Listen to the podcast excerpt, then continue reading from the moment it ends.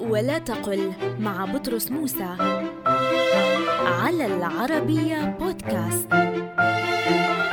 لا تقل ملفت للنظر بل قل لافت للنظر لأن استعمال اسم الفاعل من الفعل الفت لم يرد في المعاجم وإنما الذي ورد استعمال اسم الفاعل من الفعل لفت فيقال لفت النظر فهو لافت للنظر.